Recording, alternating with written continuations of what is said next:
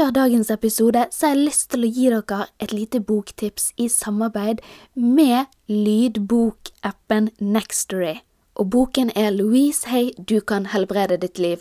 Og jeg sier bare, har du ikke råd til psykolog eller terapi, da lytter du til denne boken. For det Louise gir deg, det er en oppskrift. Det er øvelser der du går i dybden på dine egne traumer, din egen barndom, og så bruker du hennes modell til å rett og slett leve ditt aller beste liv. Og den er så fin! Men her kommer supertilbudet. Hvis du er ny kunde hos lydbokappen Nextory, så kan du få 45 dager gratis prøveperiode. Da rekker du denne boken og veldig mange andre fantastiske bøker som ligger der inne. Så du går inn på nextory.no slash Amalie og signer opp. Og det er n-e-x-t-o-r-y.no slash Amalie som er mitt navn. Det klarer dere å huske. Og så koser du deg med å lytte til boken.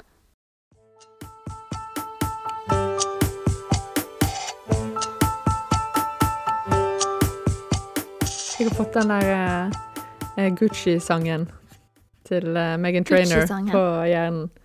Den er I could have yeah. Gucci on, and I made you look, I made you look. Ja. Har du sett på TikTok? Ja, vet du hva, nå har TikTok begynt å bli gøy for meg. Dessverre. Jeg burde jo ikke ha noen ting å skjåle på. Men fordi at TikTok er jo egentlig bare gøy når du har brukt det en stund, og algoritmene har fått gjort jobben sin, og du får opp det som du yep. vil ha opp. sant? Og nå er jeg der. Så nå får jeg kun opp sånn eh, Sånn oppussingsgreier og gjør det sjøl-opplegg. Selvfølgelig. Det er bare det jeg får opp. Og så innimellom sånne gamle folk som danser, eller et eller annet sånt. Ja, og det er der du har den Megan Trainer-sangen fra, garantert. Korrekt. Ja.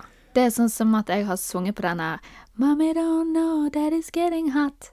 Altså han eh, Sam Smith, Unholy. Ja. Den har jeg sunget på i flere måneder, for det er jo en sånn strategi fra disse sangerne og plateselskapene at de legger ut ting på TikTok, sant. Ja. Alle var jo helt gæren på denne David Guetta. Åh, du vet denne I'm good, yeah, I'm feeling alright, baby. Ja, og der, det, det var- lyste at det var løgn.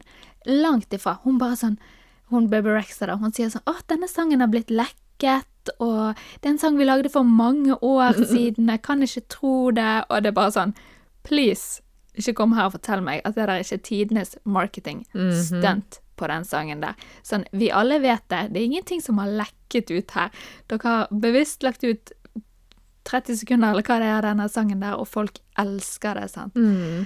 Nei. Men det er gøy at du er på TikTok. Jeg så at du likte videoen min, så da tenkte jeg hm, hun er her. Ja. Jeg får opp deg og oppussingsvideoer. Ja, men det er gøy. Ai, ai, ai. Alt du trenger. Mm. Det er sant. I hvert fall, velkommen til en Dette er jo en stor episode for oss, egentlig, fordi det er sesongavslutning, Benedikte. Kan du tenke deg? For det det er jo nå, i morgen, torsdag 1. desember. Da går vi inn i julestrien. Vi skal handle gaver, vi skal pynte. Treet skal opp. Benedikte får angst i øynene av å tenke på julepynten. Ja, sånn er det. Jeg har fire lilla lys kjøpt på Rema 1000, Rema 1000 som står fremme, som jeg måtte kjøpe sånn at ungene mine hadde Vi kunne tenne adventslys i går. Det er så langt jeg kunne strekke meg nå. Uff, stakkar. oi, oi. Ja, but go on.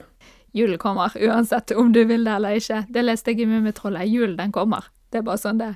Det jeg skulle si var at det betyr jo ikke at eh, vi forsvinner for godt. Vi kommer jo tilbake når julen og nyttår er overstått. Men vi tar en liten sånn Sesongen er ferdig nå. Vi skal ha oss en liten god pause. Bendikte, du skal pusse opp huset. Jeg skal gjøre masse greier og feire litt jul her i Bergen. Og så skal jeg til Stavanger. Og så, etter det, blir det jo fullt kjør. Og da passet det egentlig ganske bra å ha en sesongavslutning som handlet om det med å sette seg mål. Fordi nå skal vi stresse og styre i hele desember, kose oss.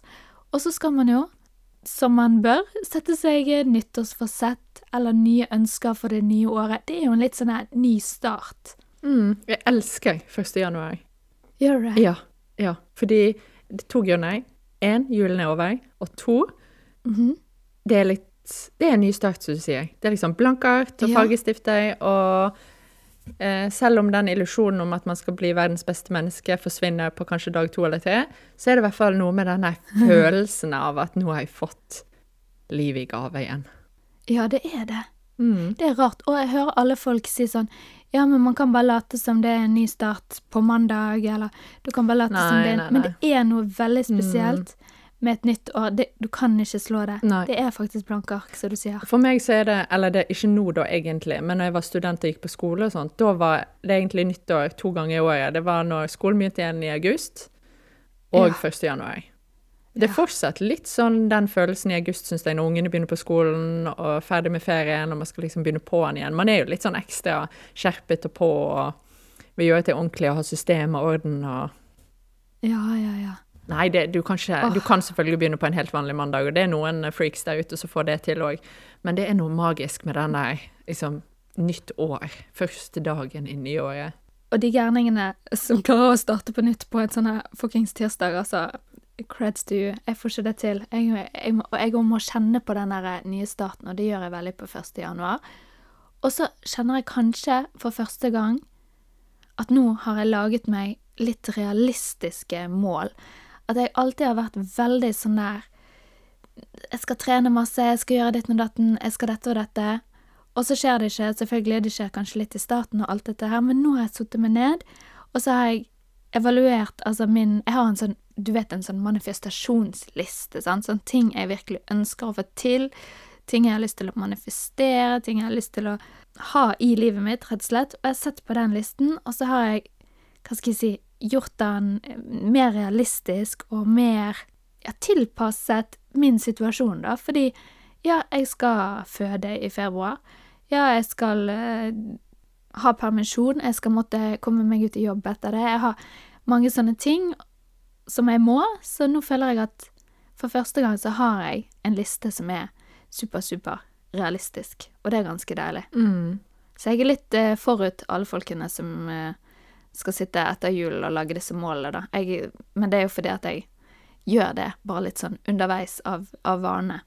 Og det er at du setter deg realistiske mål, liksom, at du har tenkt gjennom hva er det som faktisk går an for meg å gjennomføre, og ikke For det er fort gjort å slenge ut sånn Ja, jeg skal begynne å trene fire ganger i uken. Og så oppdager du Ja, ja, på uke to at det ryker ganske fort, da. ja. Og for min del så er det litt eh, Ikke så mye sånne store mål de siste årene, så jeg satt meg sånne Helt sånne små, små mål, liksom, som eh, I løpet av året skal jeg lage et fotoalbum og bestille det hjem. ja. Jeg skal bli flinkere til å gå med brillene mine. Liksom sånne ting, da. Og det er kanskje litt tullete, fordi at det da Du er på en måte dømt til å lykkes. Så Ja. kan man liksom kalle det et uh, mål? Jeg vet ikke. Men jeg har liksom kanskje senket baren veldig, da, fordi at jeg, jeg ikke vil gå i den fellen. Men da unngår jo man kanskje òg disse større tingene som ville vært bedre og gjort noe med. Så ja, nei, jeg må tenke litt på den. Ja. Har du tenkt på eh, allerede noen mål for Altså, å, eller må ikke heller kalle det mål, men noen ønsker eller noen drømmer eller noen ting du har lyst til å få til i løpet av det neste året? Eller er det for tidlig for deg? Mm, ja, det første målet er jo å komme seg i hus. Ja, ja. Så det det er et godt mål. Ja, og det er jo innenfor rekkevidde å bli bedre, så det er egentlig Og det er òg en grunn til at jeg gleder meg veldig til januar eh, nå, fordi da vet jeg da er vi i den måneden som vi mest sannsynlig kan flytte inn, da. Eh, Mm. Så det kommer jo sikkert til å skje uansett om jeg setter det som mål eller, eller ikke, så det teller kanskje ikke. Jo. Ja. Nei, så eh, føler jo jeg at jeg nå sitter på et tog som jeg ikke får stoppet, og At jeg eh, har Jeg har veldig mye gående eh, som Jeg har veldig mye i livet som jeg sikkert skulle tatt en liten pause fra, og så klarer jeg det bare ikke. Sant? Og så Ja. klarer jeg ikke å si nei til ting, og så eh, sitter jeg og tenker på at jeg har egentlig ikke tid til noe som helst. Det er et regnestykke her som bare ikke går opp, og så får jeg ikke stoppet det. Mm. Så det eh, vet jeg at eh, det er noe som jeg på et eller annet tidspunkt må ta tak i og jobbe med, fordi jeg ser jo at den veien som jeg er på vei ned nå, den er ikke bærekraftig, da. Ja. Å, det tror jeg mange kan kjenne seg igjen i. For det, det blir nesten som et sånt eh, Jeg hater det ordet, da, men du vet et sånt eh, rat race, altså et rotterace, der du bare du har sinnssykt mange forpliktelser og ting som skal gjøre, og gjøres og ting som skal holdes, og jobb. Mm. Og i tillegg så er det noe med å være den der yes man, eller yes woman, da. Mm. Og jeg kan kjenne det veldig igjen fra meg sjøl. Eh, kanskje ikke akkurat i den situasjonen jeg er i nå, da, men jeg kan òg se det på veldig mange rundt meg, da. For eksempel eh, Anders. Anders han òg er en eh, yes man, som for eksempel da takker ja til mye på jobb, takker ja til mye hjemme, og i tillegg takker ja til det folk eh, ber om, og det er jo det jeg elsker med han, selvfølgelig, en fantastisk egenskap. Men så er det noe med at du har et visst antall timer i døgnet og ting som skal gjøres, og så er det sånn, hva, skal man kutte? Mm. Ja, det er kjempevanskelig. Og så begynner jeg å kjenne på at kanskje mange av de tingene som jeg nå pusher meg sjøl til og sier ja til, det er ikke noe som jeg kommer til å se tilbake på og tenke 'jaggu godt du gjorde det'. Fordi at det er ingenting Ja. som er viktigere enn eh, at uh, ungene mine har det bra, og at vi har det bra sammen, og som familie. Så jeg ser at eh, jeg eh, er nødt til å trappe ned på en del andre ting. Og passe på min mentale helse bedre i 2023 enn det jeg har gjort eh, de siste månedene av 22, da. Det er jo et nydelig mål i seg sjøl, vil jeg si. Mm. Nå begynte jeg å trykke bare på Mac-en min her fordi jeg eh, kom over et innlegg som jeg har lyst til å bare kjapt ta. Og dette er ikke på en måte direkte relaterbart til liksom din situasjon, men det var bare noe jeg tenkte på akkurat her nå når du sa det. Og innlegget det er fra en journalist i DN i en sånn Det er en sånn gruppe på Facebook som heter DN Kvinner, for de som er interessert i økonomi og likestilling, tror jeg. Et eller annet sånt. I hvert fall så hun skrevet Ødelegger pliktoppfyllende kvinner for sin egen karriere. Hvis du vil at noen skal gjøre en oppgave, er det naturlig å spørre dem du tror vil svare ja. Derfor ender kvinner opp med oppgavene som ikke fremmer karrieren deres, skriver NHH-professor Alexander V. Cappell i DN. Oi. Og da viser forskningen da at kvinner bruker vesentlig mer tid på oppgaver som ikke er karrierefremmende. Og dette her tror jeg er egentlig overførbart til nesten alt i livet. sant? Hvis du spør noen om å gjøre noe, hvem er det som sier ja? Det er jo kvinner. Altså, hvis du kommer i barnehagen og bare 'Kan noen bake en kake?' Ja, eh, OK, da. Jeg kan Ok, kan noen sitte i dette utvalget i FAU? Ja, OK, da. Jeg kan gjøre Altså, spør en kvinne, så har hun veldig vanskelig for å si nei, tror jeg da. Ok, Mm. det kan godt være mange menn har vanskelig for å si nei, men jeg bare syntes det var veldig interessant at det faktisk finnes forskning som viser på det, da. Og det han viser til, det er en bok som heter The No Club. Putting a stop to woman, women's dead end work.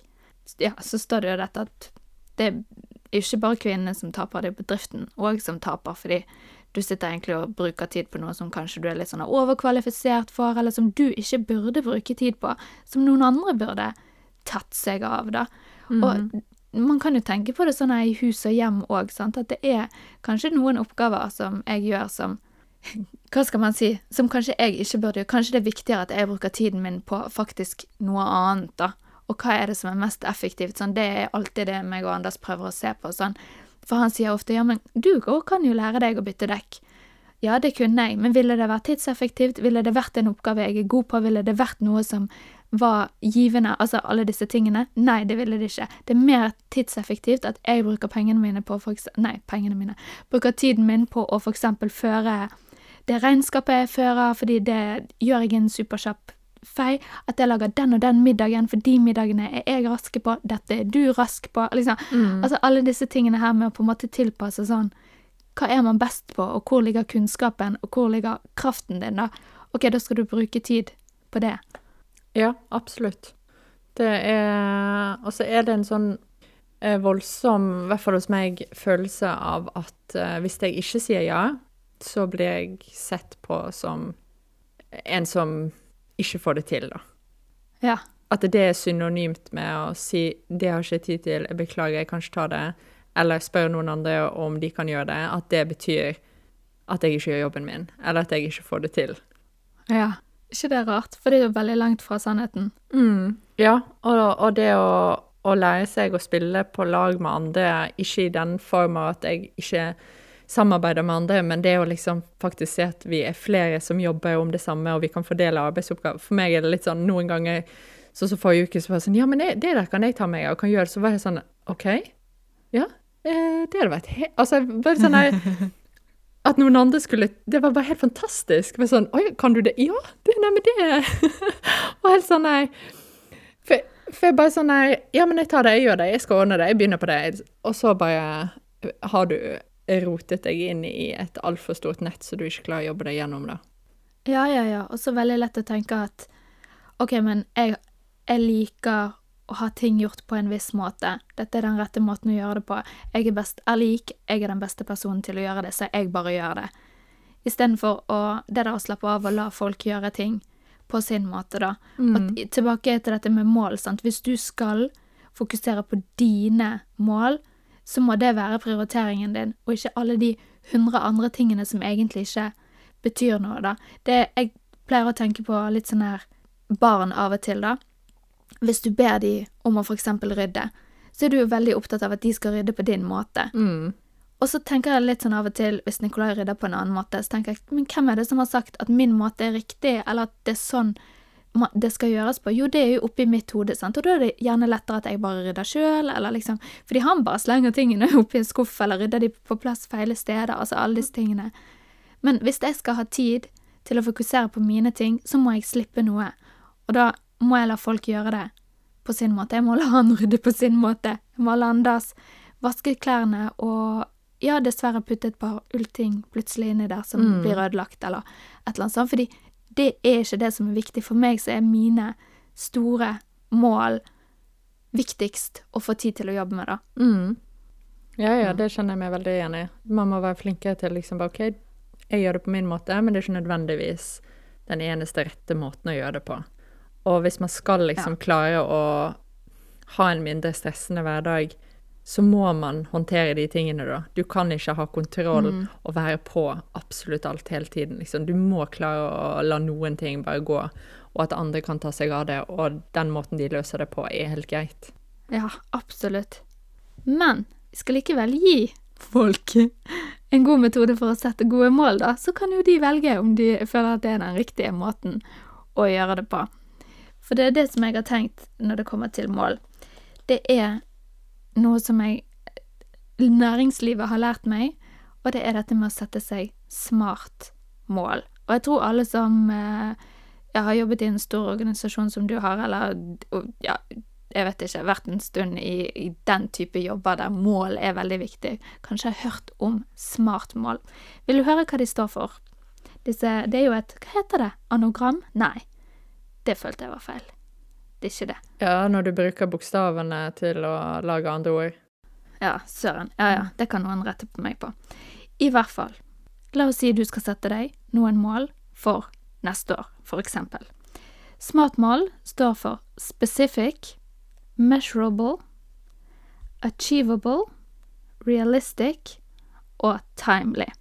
Så hvis vi skal oversette de til norsk da, og gå litt gjennom de, så er det første at det må være spesifikke mål. Det jeg føler veldig ofte, og det som jeg har gjort før i tiden, det er å lage sånne der veldig uspesifikke mål. Altså litt sånn der eh, Jeg ønsker mer tid med familien min og gode opplevelser. Altså veldig sånn der halvveis, da. Og så blir det utrolig vanskelig for meg, når det ikke er spesifikt nok, å vite ok, hva kan jeg gjøre i morgen, i overmorgen, onsdag, torsdag, fredag, lørdag, hva kan jeg gjøre neste uke, neste måned, for å komme nærmere det målet. Så det er det første, at det er spesifikt. Nummer to målbart. Det er så lett å så sette seg mål, og så ser du aldri på det igjen, nesten. Mm. Fordi du bare har skrevet det inn i et eller annet notat på telefonen, eller i en eller annen bok som du ikke åpner på lenge. Så dette med å måle hvor langt man er kommet, og det snakket vi jo litt om i, var det i forrige episode, men jeg vil bare presisere det at jeg gjør denne ratingen over livet mitt, ikke sant? For å se da om faktisk ting går framover. Og den er ikke inne på telefonen min, eller inne på Mac-en min, eller noe sånt. Jeg har faktisk Post-It-lapper som jeg har de ligger rett her ved siden av meg nå. Og nå sitter jeg på mitt uh, lille hjemmekontor her, ikke sant, så de ligger her på bordet nedover.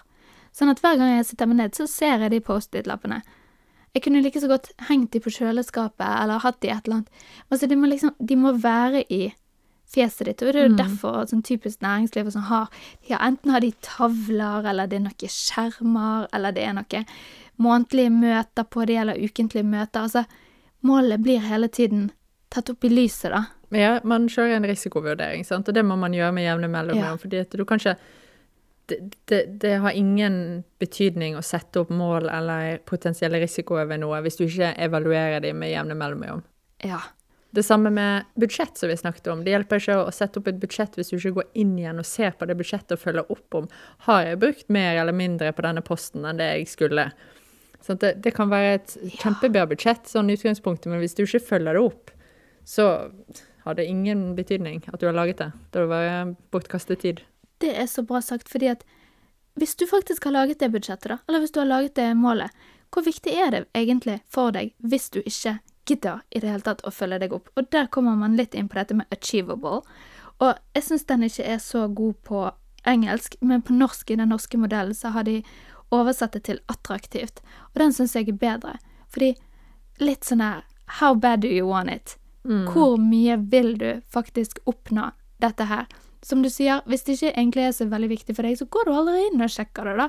Så det må være et mål som faktisk betyr ekstremt mye for deg. Og i fjor Nå må jeg tenke. Ja, i fjor så sa ja, det var, Nei, kanskje i forfjor. Så sa meg og Anders at vi skulle bygge på huset vårt.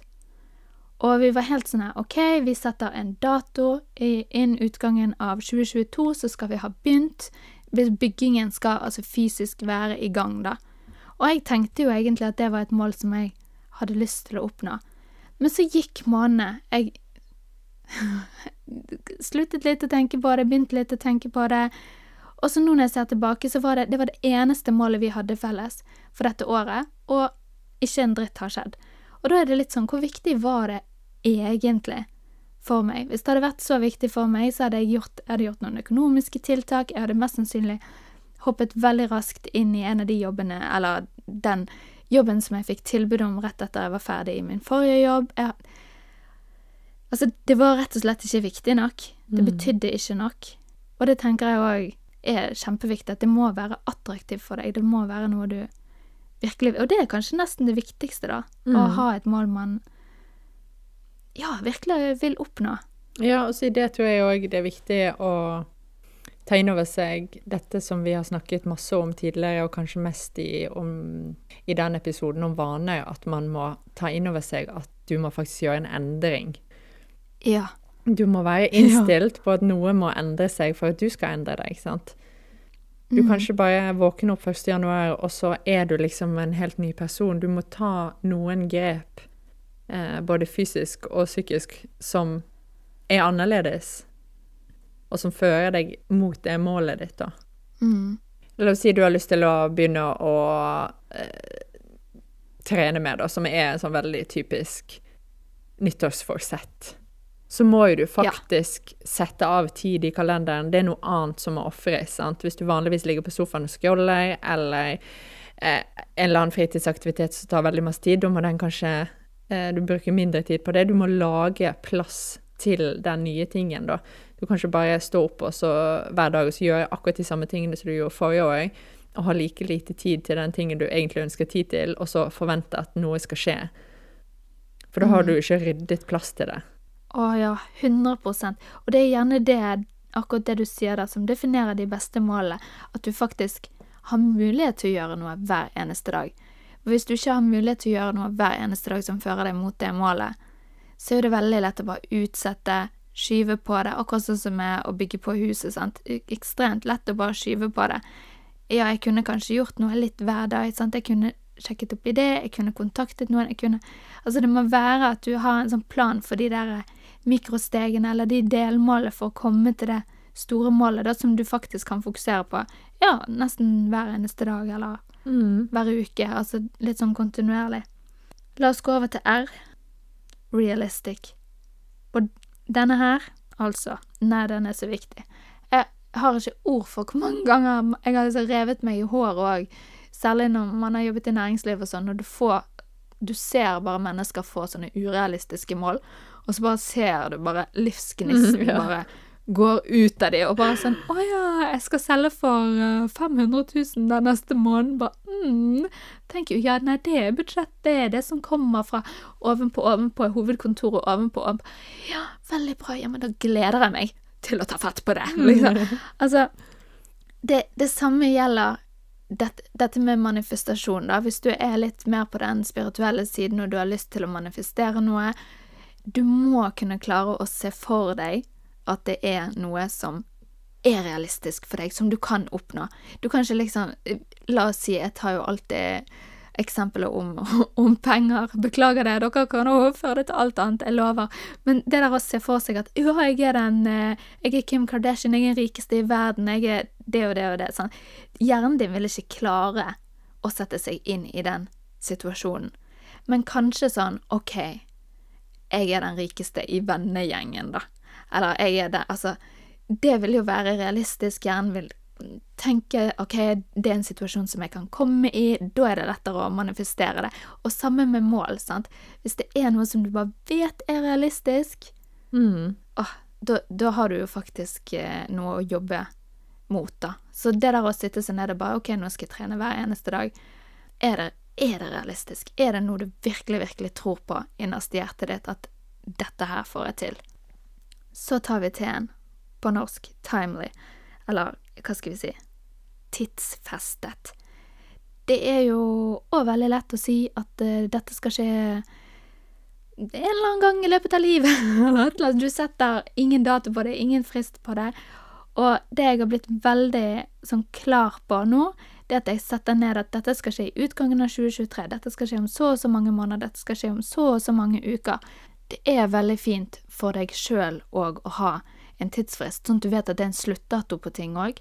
For det er litt sånn at du vet når du har en sånn superlang to do-liste, og så har du masse, masse punkter, og så er det alltid noen punkter der som bare aldri forsvinner, fordi de aldri blir gjort. De skal alltid skyves på, og så skyves de på, og så skyves de på. Typisk sånn er det, det er i hvert fall veldig før på jobb, at jeg hadde et sånn Trello-board med liksom 'dette haster', og så hadde jeg et sånn her inn i evigheten, som var helt egentlig forferdelig å se på. Så det å ha en tidsfrist der du faktisk sitter der OK, nå skal jeg vurdere, nå skal jeg se på det, og det tror jeg er kjempeviktig for motivasjonen, men òg dette her som jeg har hørt bli sagt hundre ganger, med at man alltid overvurderer hvor langt man kan komme på ett år, men du undervurderer hvor langt du kan komme på tre år.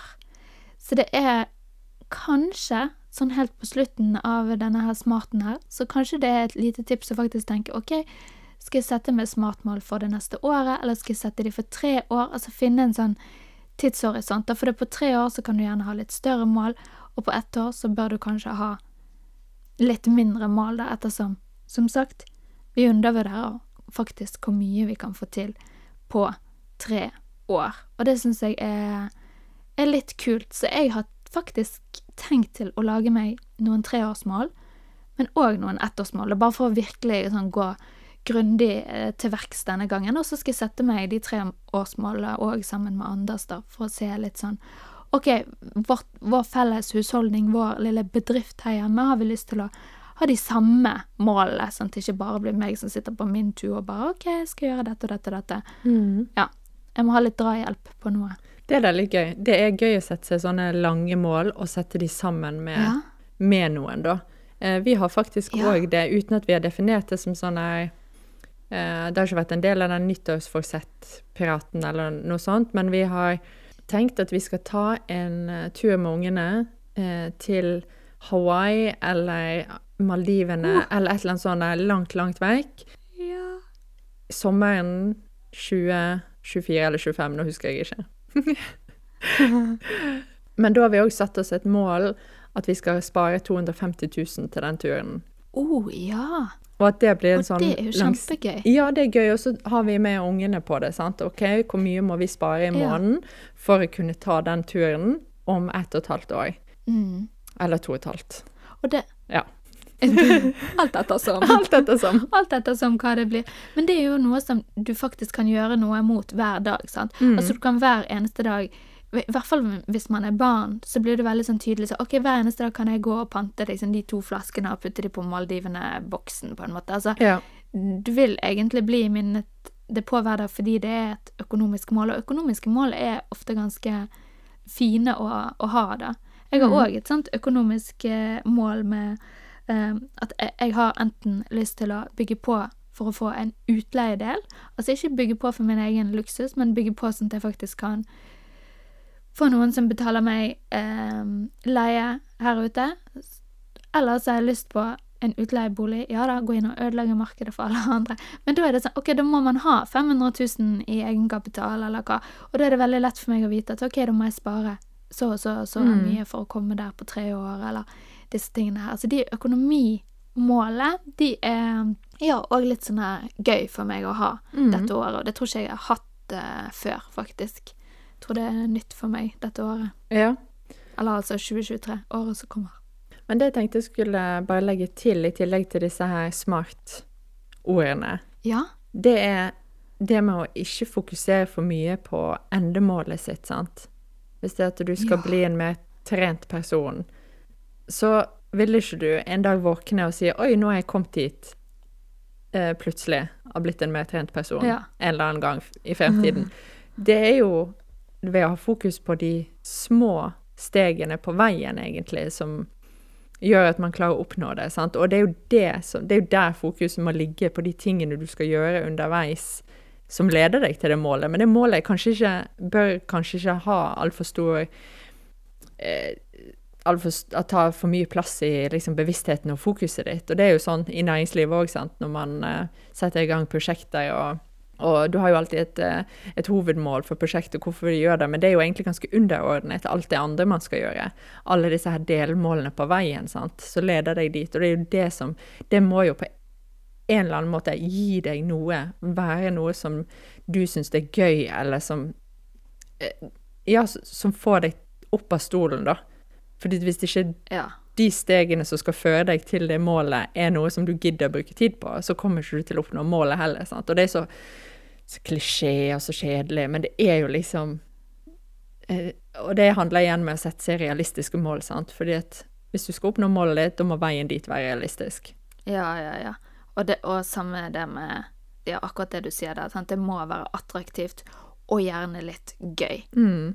Det, eh, det er jo utrolig dass å skulle committe seg sjøl til å gjøre noe som du egentlig syns er dritt hver eneste dag for å oppnå noe. Altså, jeg sier ikke det at ja, det kan føles selvfølgelig dritt å gå på den treningen, eller litt sånn, men da er det kanskje ikke akkurat på den tøffeste man skal begynne, da. For eksempel sånn med trening. Jeg syns kanskje ikke det er det kjekkeste å komme meg til treningssenteret og ta en tung treningsøkt, særlig nå. Så der har jeg prøvd å bare OK, hva er det som er lysbetont for meg, hva er det som er gøy, og hva er det som er veldig sånn lavterskelmål, så jeg kan eksempel begynne med det, sånn at jeg ikke kjører meg inn i den her, ja, dritten, på en måte.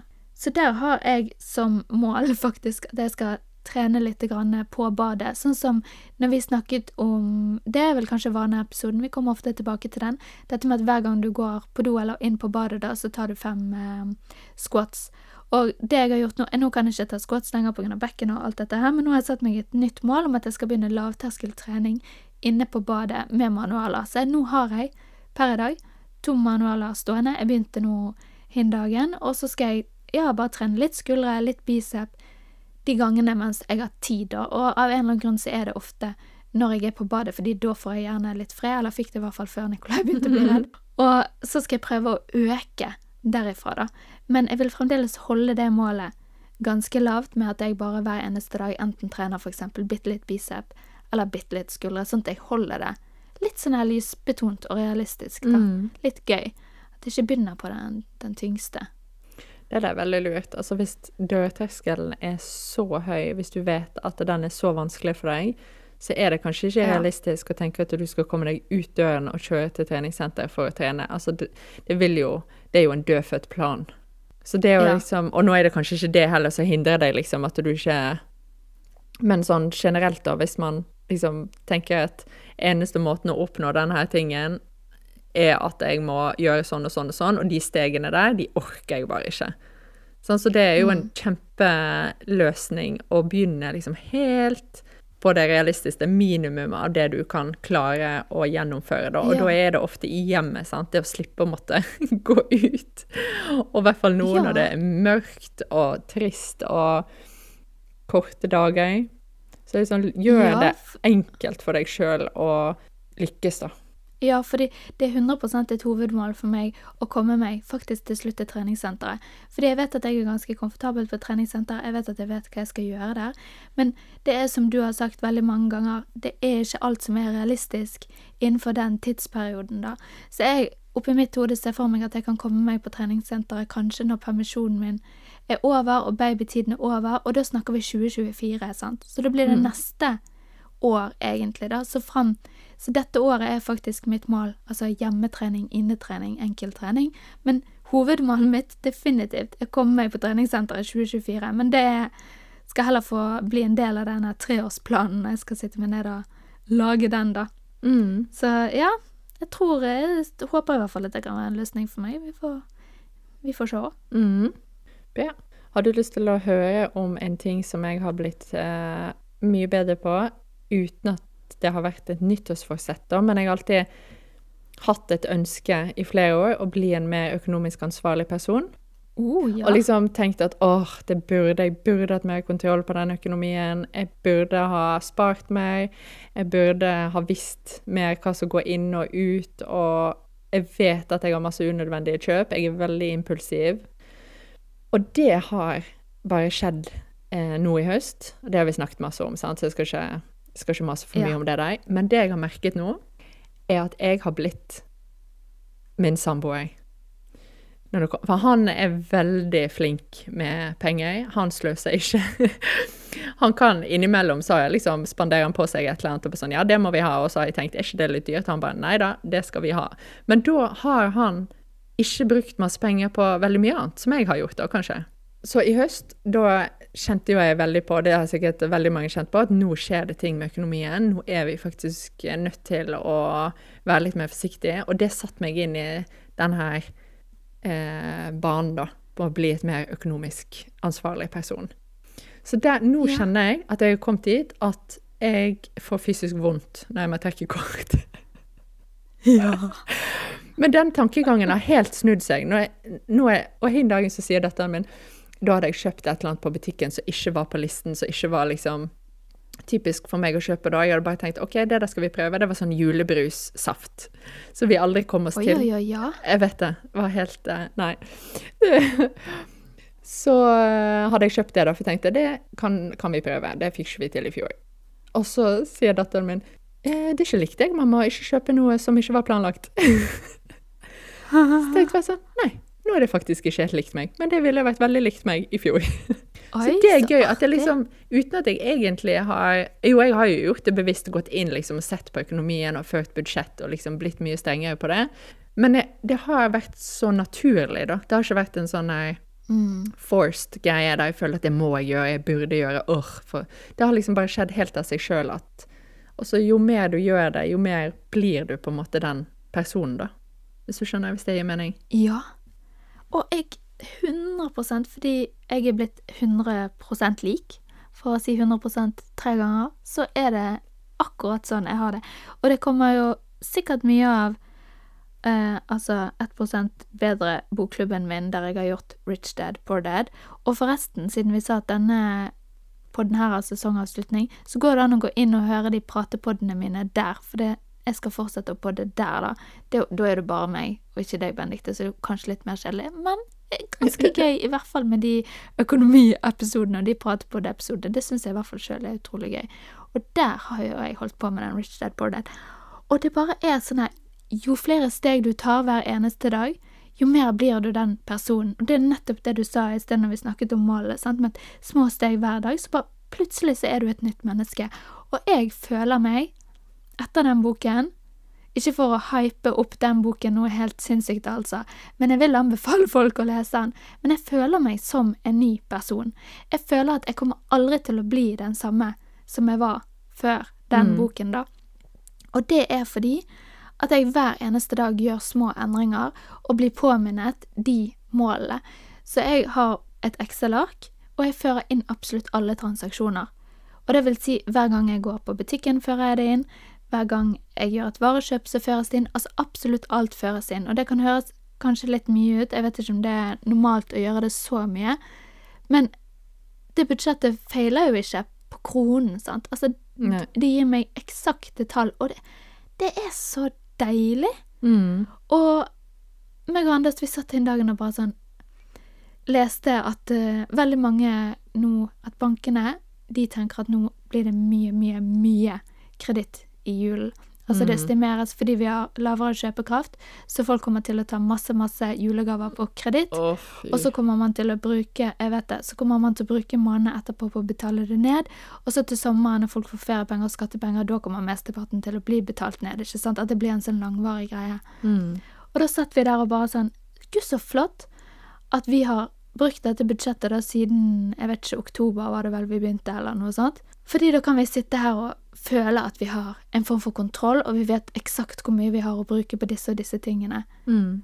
Og det er bare sånn, det er kjempedeilig når du ser at ja, mange andre ikke er i den situasjonen, da. Og um, det, er egentlig helt, det er egentlig helt jævlig òg å, å tenke på at folk er i den situasjonen. Og hvis folk ikke har sett den debatten fra 15. november, hva er det den heter? Søren, det husker jeg ikke, men debatten fra 15. november med disse tre kvinnene som går på arbeidsavklaringspenger, og den handler om dagpenger, og den handler om de økte levekostnadene som er nå, da. Mm. Den er veldig tankevekkende og veldig fin, så hvis dere ikke har sett den, så gå inn og se den, altså, for det, da får du lyst til å bare bruke julen din på å ja, finne nye måter å hjelpe på, og eh, rett og slett eh, støtte litt oppunder eh, Støtte litt oppunder de som kanskje ikke har like mye, da. Så det tror jeg skal bli et av mine ja, litt sånn fokus av denne julen. At ja, jeg skal selvfølgelig gi gaver til eh, familien min sånn som vanlig, men jeg skal også finne litt sånn alternative metoder på å, å gi litt mer tilbake på andre måter. Det er i hvert fall mitt hva skal jeg si, mål for julen som jeg har satt meg da etter å se på den episoden, for den er tung og vond. Mm. Jeg gråt store deler av den. Så jeg, ja, en anbefaling på slutten der. Jeg så at det var en kjøpmann i Rema en eller annen plass som hadde nå lagt merke til at folk, vanlige folk, stjal mat. Og vanligvis så er de som stjeler, stjeler øl og litt sånn eh, dyre Altså biff og Det var de vanlige tingene som ungdom og kanskje andre som hadde litt vanskelig, Mm. stjeler, da. Men nå var det vanlige folk som stjal helt vanlig mat, liksom. Sukker og mel og Tenk det. og Matfattigdom. Ja. Og det var noe som han ikke hadde sett tidligere, da. Men som Mm. nå eh, blomstrer opp, fordi folk har det vanskeligere og trangere enn før.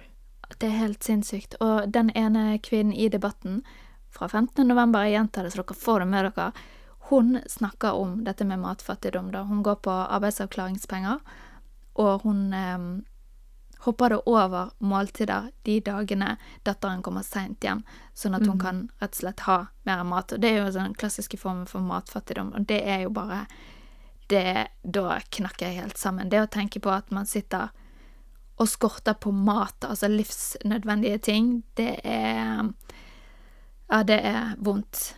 Mm. Men nå snakket vi oss helt vekk fra temaet, men det er nå sånn det er. Det var helt utenfor tema, men det Det er rart på en måte å sitte og snakke om liksom mål og penger og hvor privilegert man egentlig er når det er såpass store forskjeller der ute akkurat nå, da. Mm. Fordi og bare sånn helt avslutningsvis, vi vi skal ikke gå inn i det der, men siden vi snakker om å sette oss investeringsmål og sparemål og liksom tur til Maldivene om to år eller tre år, så altså Det er på en måte helt sinnssykt at vi sitter her og på en måte kan Når vi må kutte ned på ting, så mm, For det, jeg tror alle har kuttet ned på noe. Vi har kanskje kuttet ned på frisør, vi har kanskje kuttet ned på hudpleie, kuttet ned på varekjøp. Det er i hvert fall ting som jeg har kuttet ned på, da. Og det er jo i prinsippet luksusting. Ja. Og ja, jeg tenker mer økonomisk når det gjelder mat, sant. Men det å sitte og være så sinnssykt privilegert, det er liksom bare helt sånn der Det er helt merkelig, egentlig, i Mm. uh, denne tiden her, da. Så det er jo noe å avslutte med i ekte juleånd. At uh, fy flate, så heldige vi er hvis vi klarer å sitte her og sette oss mål. For det vil si at da har vi egentlig det meste vi trenger. Vi vil bare oppgradere litt, få det litt bedre, eller alle disse tingene her. Og det hørte jeg en som sa òg, at eh, det kan være fint å se litt på de målene som du har oppnådd, og så skrive de ned i samme slengen. Sånn, har du Mm. lyst til å være gift? Ok, det har jeg allerede. Har du lyst til å bo i et hus? Ok, det har jeg allerede. For å få, få det litt inn der òg. Jeg gjør det av og til på to do-listene mine. Så skriver jeg ned ting jeg allerede har gjort, og så krysser jeg det ut. Ja. Bare fordi at jeg trenger å komme inn i den mentaliteten av at nå er jeg i en flow, og jeg gjør ting, og jeg er effektiv og får ting unna. Så da må jeg liksom kunne stryke ut noe allerede, så jeg ja, føler jeg er der. Å, hjelpe meg. Ja, det er god, godt tips. Det er et lite hekk. Lite hekk. Men dere kan jo gå inn og dele nyttårsforsett eller mål for fremtiden. Enten det er Ja. Et mål du har for neste måned, eller for neste år, eller de neste to årene. Del det med oss på Instagram. Det hadde vært utrolig kjekt. Og så kunne vi tatt Ja. en liten recap på det her når vi starter opp sesong to etter jul. Å ja. Å, det gleder vi oss voldsomt til. Ha en god jul. Folkens, som sagt, gå inn og følg oss på Instagram. Du finner Benedikte. Du finner meg. Vi er tagget nede i beskrivelsen her.